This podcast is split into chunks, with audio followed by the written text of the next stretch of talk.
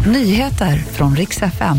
Riksdagsledamoten Jamal El-Haj lämnar sin plats i utrikesutskottet efter senaste tidens uppståndelse. Och så ska det handla om stormen Pia som är på väg in över Sverige. Socialdemokraternas riksdagsledamot Jamal El-Hadi lämnar nu sin plats i utrikesutskottet. Han skriver själv på sociala medier att det blev för mycket fokus på honom som person. Och Det här är alltså efter uppståndelserna om hans påstådda koppling till Hamas. Nu ska han istället fokusera på sitt uppdrag i trafikutskottet. Det är storm på gång. Stormen Pia är på väg in över Sverige och det ska blåsa så mycket västkusten och Skåne att det förväntas vara svårt att stå upp, uppemot 27 sekundmeter. Och det förväntas dra in rejält med snö över E4 vid Gävle där vägen förväntas snöa igen.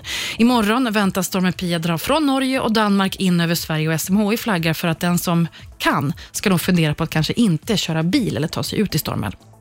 Ida Warg säljer sitt bolag. Influensen Ida Warg har senaste tiden byggt ett jätteskönhetsimperium.